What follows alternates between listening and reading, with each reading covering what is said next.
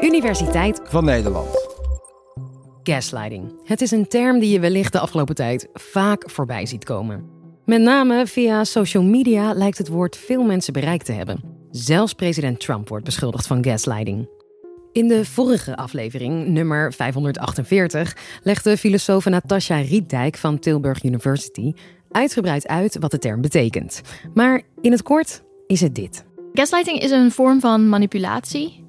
En wel eentje waarbij je iemand doet twijfelen aan zijn eigen oordeelsvermogen, aan zijn eigen waarneming, zijn eigen herinnering.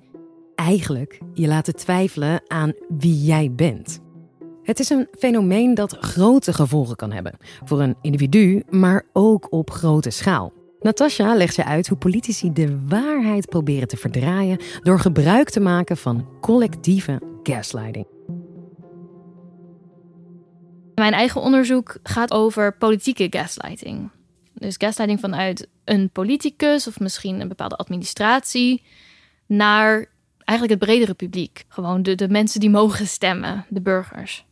En ik denk dat daar ook zeker een vorm van gaslighting kan plaatsvinden.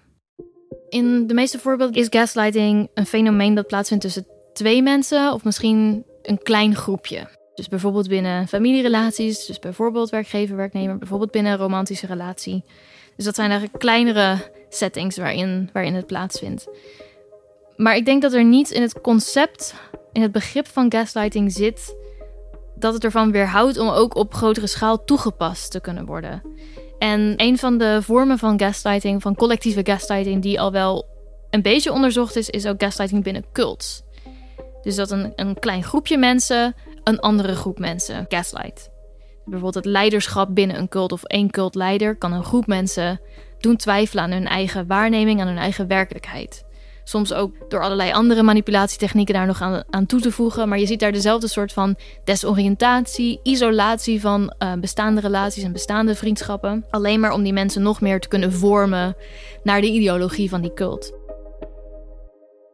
Ik denk dat politieke gaslighting in ieder geval in drie verschillende vormen plaatsvindt. En de eerste is als politici of um, een administratie of een regering bijvoorbeeld, of misschien een politieke partij, bepaalde tegennarratieven de wereld inhelpen waar ze zelf ook niet helemaal in geloven. Puur om mensen te verwarren. Dus als er iets gebeurd is wat voor een politicus niet zo goed nieuws is, dan kan die politicus proberen om daar een compleet andere uitleg aan te geven. En iemand die er bekend om staat dat hij dit doet is Poetin en het Kremlin. Создают настоящий культ нацистов и их пособников. А память о подлинных героях. Dus wat daar vaak gebeurt is dat nieuws dat niet zo welgevallig is voor Poetin op een heel andere manier wordt uitgelegd. En je kunt bijvoorbeeld ook denken aan hoe de invasie van Oekraïne wordt uitgelegd in, in Rusland. Dus het idee dat daar echt mensen gered moeten worden van de fascisten.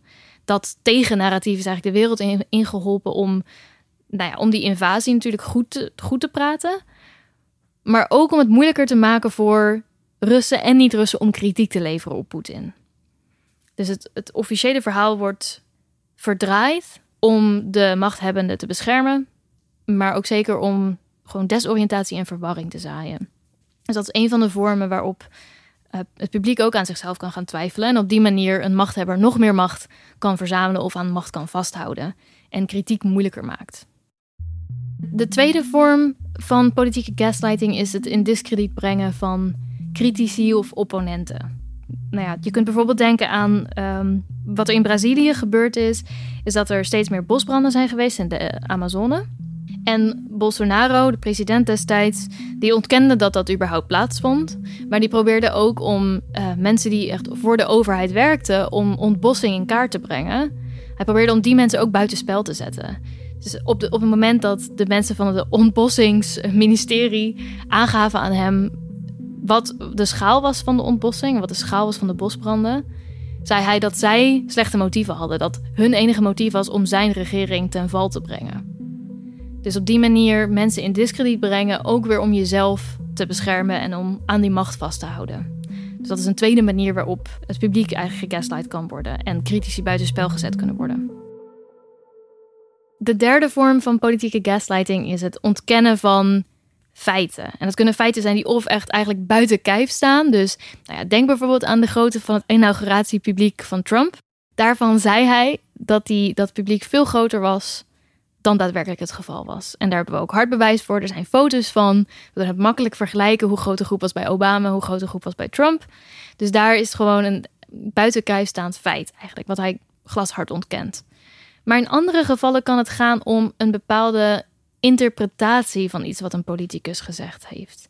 En dit is ook waar het begrip dog whistles wel eens naar voren komt. Dus een dog whistle is als een politicus of een ander persoon het ene zegt, maar stiekem ook iets anders bedoelt. En dat is een boodschap die alleen te verstaan is, alleen goed te horen is voor een bepaalde groep. Voor de, voor de supporters of de aanhangers van die persoon bijvoorbeeld.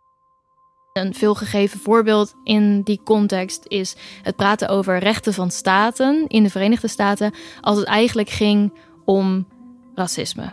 Dus dan states' rights werd vaak aangehaald om te verdedigen dat racisme en separatisme in stand gehouden werd in de Verenigde Staten.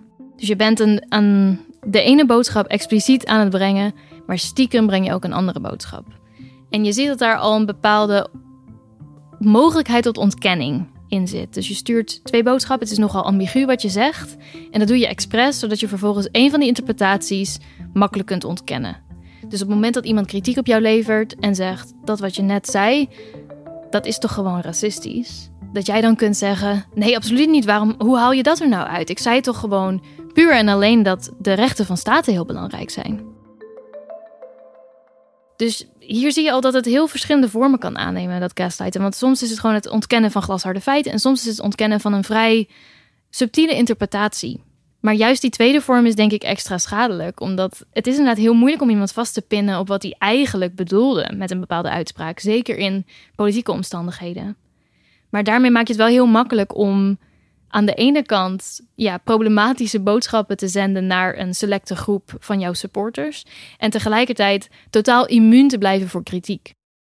Tussen individuele en collectieve gaslighting zit wel, zitten wel behoorlijke verschillen. Dus zoals ik eerder zei, is het bij, bij die individuele gaslighting is het erg belangrijk dat het plaatsvindt in een relatie van vertrouwen, een relatie van afhankelijkheid. En je kunt je goed voorstellen hoe dat eruit ziet bij bijvoorbeeld een romantische relatie of bij een ouder-kindrelatie. Wat voor vorm van vertrouwen dat is, op welke manier je afhankelijk van elkaar bent. Maar dat is misschien wat lastiger om dat te zien in die situaties van collectieve gaslighting. Want ja, is daar echt sprake van zo'n soort vertrouwensrelatie? Het is toch geen vriendschap, het is toch geen intieme relatie? Kun je iemand anders wel echt vertrouwen? Aan de andere kant is het natuurlijk wel zo dat een politicus behoorlijk veel macht heeft en behoorlijk veel aanzien heeft, waar diegene ook gebruik van kan maken. Dus ik denk dat er nog steeds in zekere zin sprake is van een afhankelijkheids- en autoriteitsrelatie. Alleen ziet het er net wat anders uit, natuurlijk, dan bij een intieme relatie of een vriendschap. Dus dat is het ene verschil wat je kunt zien. En een, een tweede belangrijk verschil is vaak in individuele gaslighting is het dus zo dat de gaslighter het slachtoffer of het doelwit probeert te isoleren. En je kunt je voorstellen dat als we het over collectieven hebben, over hele groepen die gegaslight worden, ja, die zijn altijd nog met elkaar in contact. Dus hoe kun je die nou echt isoleren? Lukt dat wel? En dat klopt inderdaad dat daar wel degelijk bepaalde verschillen zijn natuurlijk. Maar ik denk dat er nog, nog steeds wel sprake kan zijn van een relevante vorm van isolatie. Dus je kunt nog steeds proberen om die groep te isoleren van bijvoorbeeld experts die iets zeggen wat tegen jouw wereldbeeld ingaat door bijvoorbeeld die experts in discrediet te brengen. Dus precies die tweede vorm van politieke gaslighting zou je daar kunnen toepassen om mensen te isoleren. Dus dan gaat het misschien niet zozeer om fysieke isolatie, maar meer isolatie van bepaalde vertrouwensrelaties. En zoals ik ook eerder al zei, als je in een cult zit, kun je wel degelijk geïsoleerd worden van vriendschappen die je eerder had, van andersdenkenden. Dus daar zijn nog steeds ook wel relevante vormen van isolatie, maar ze zien inderdaad net wat anders uit dan in die intieme, individuele gaslighting-relaties.